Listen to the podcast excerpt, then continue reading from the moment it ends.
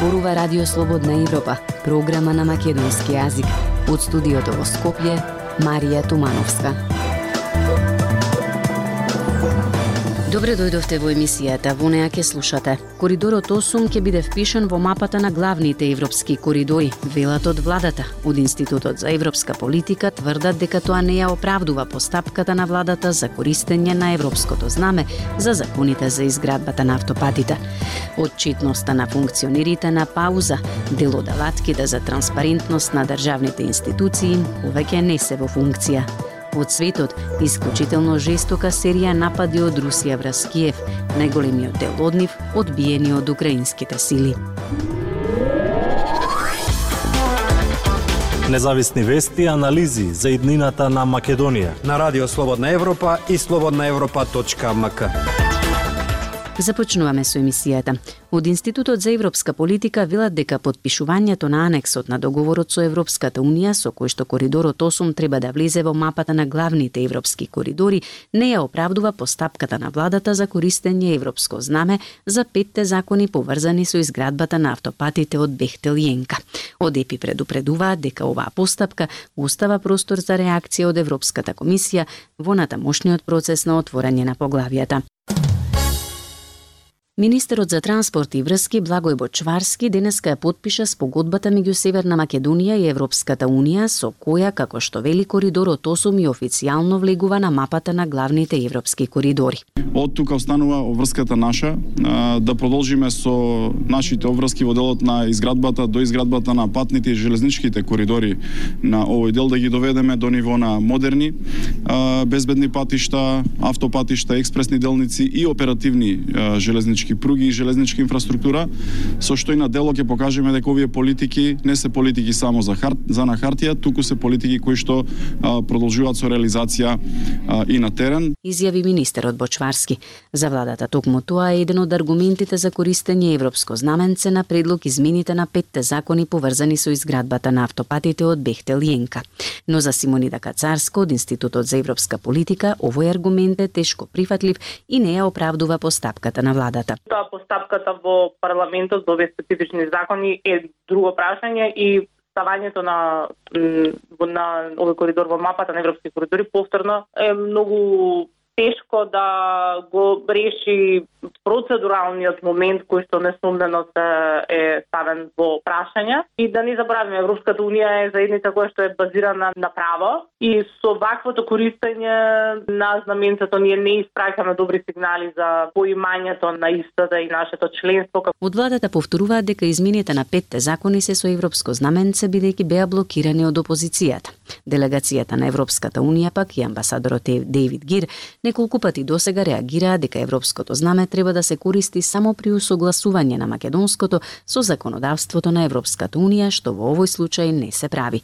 Кацарска вели дека постои ризик за тоа како ќе се интерпретира самиот закон и постапката натаму во контекст на спогодбата за стабилизација и асоциација и делот од врските во поглавието јавни набавки од кластерот Fundamentals. Може дел од тие одредби да бидат протолкувани како спротивни на она што ќе бидат идни одредници во дел од овие поглавја, а особено е значајно бидејќи се тоа дел од првиот кластер кој што е клучниот за преговорите. Во секретаријатот за европски прашања пристигнало и писмо преку кое ЕУ бара детално објаснување за проектот. Од кабинетот на вице-премиерот за европски прашања Бојан Маричик објаснува дека станува збор за кредибилен и транспарентен проект подржан со специјален закон со кој автопатите треба да се изградат побрзо и поевтино. Од ЕПИ не очекуваат какво би било дополнително објаснување од владата за да се промени перцепцијата во Унијата, бидејќи како што велат многу е тешко да се поврза носењето на тие закони со јасен акт на Европската Унија што е оригиналната намена на користењето на европското знаме. Слободна Европа. Следете на на Facebook, Twitter и YouTube. Без консултации на јавноста за голем број предложени закони, неажурирани алатки за транспарентност и необезбедување на времени информации за новинарите и граѓаните. Ова го покажуваат неколкуте анализи на невладините организации. Забелешките на ЗНМ, МЦМС и Агенцијата за заштита на правото на слободен пристап за падот на транспарентноста на институциите доаѓа во време кога од сати Европската Унија доаѓаат сериозни критики за корупција. На оваа тема работеше Владимир Калински. Алатката отворена влада, отворени податоци, каде можеше да се видат трошоците кои ги направиле владините функционери, последен пат е ажурирана во ноември 2020 година, кога премиер беше Зоран Заев. Исто така не е ажурирана и алатката за платите на председателот на владата и министрите. Таму сега се прикажани приходите на министрите во првата влада на премиерот Ковачевски. Владата на СДСМ со доаѓањето на власт во 2017 година воведе многу алатки со кои сакаше да ја подобри транспарентноста на институциите, но многу од нив сега не се ефикасни. Истражувањето на Македонскиот центар за меѓународна соработка МЦМС и Грегенскиот ресурсен центар покажува и дека речиси за две третини од предлог законите не бил направен консултативен процес на електронскиот национален регистар ЕНР. Според извештајот, вкупно 86 од предложени 191 закон се на предлог на пратениците, а собранието не спроведувало консултативен процес за предлог закони кои се на предлог на пратеници овластени предлагачи на закони. Имајќи го предвид ова, законите кои се од суштинско значење за правното обкружување може да бидат изгласани без јавноста да биде консултирана, покажува истражувањето на МЦМС. Од кабинетот на заменичката на председателот на владата задолжена за добро владење Славица Грковска објаснуваа дека имало период на застој во ажурирањето на алатката за отчетност на владините функционери, но посочуваат дека работат на решение со кои институциите редовно и самостојно ќе ги внесувале податоците за јавноста на времено да има увид во направените службени трошоци на функционерите. Вице-премиерката побарала од институциите да бидат поотчетни и транспарентни и за таа цела изработено и упатство за подобрување на транспарентноста на институциите во јавниот сектор. Но забелешките за падот на транспарентноста доаѓаат во време кога Европската унија подсети дека борбата против корупцијата е на разочарувачко ниско ниво, како што рече шефот на делегацијата на Европската унија во земјава Дейвид Гир, а предходни американскиот Стейт Департмент посочи дека во земјава неказниво поминуваат серија корупцијски афери. За намалената транспарентност укажуваат и новинарите кои често не добиваат одговори од институциите, како што покажуваат истражувањата на Сдруженијето на новинари на Македонија. Се потенцира дека во изминатата година има тренд на избегнување или на недавање конкретни одговори од страна на представници на одредени јавни институции. Вели Билјана Настевска Калановска од Сдруженијето на новинари на Македонија.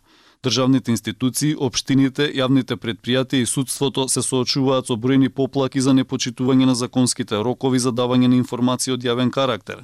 Тоа го покажува годишниот извештај на Агенцијата за заштита на правото на слободен пристап на информации од јавен карактер за 2022 година, кој исто така покажува дека отсутствува транспарентноста на институциите.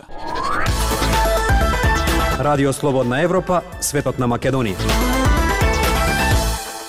Вакцинацијата против хуман папилома вирусот опаѓа, предупредуваат лекарите. Причината е луцираат во антивакциналните групи кои како што велат шират дезинформации.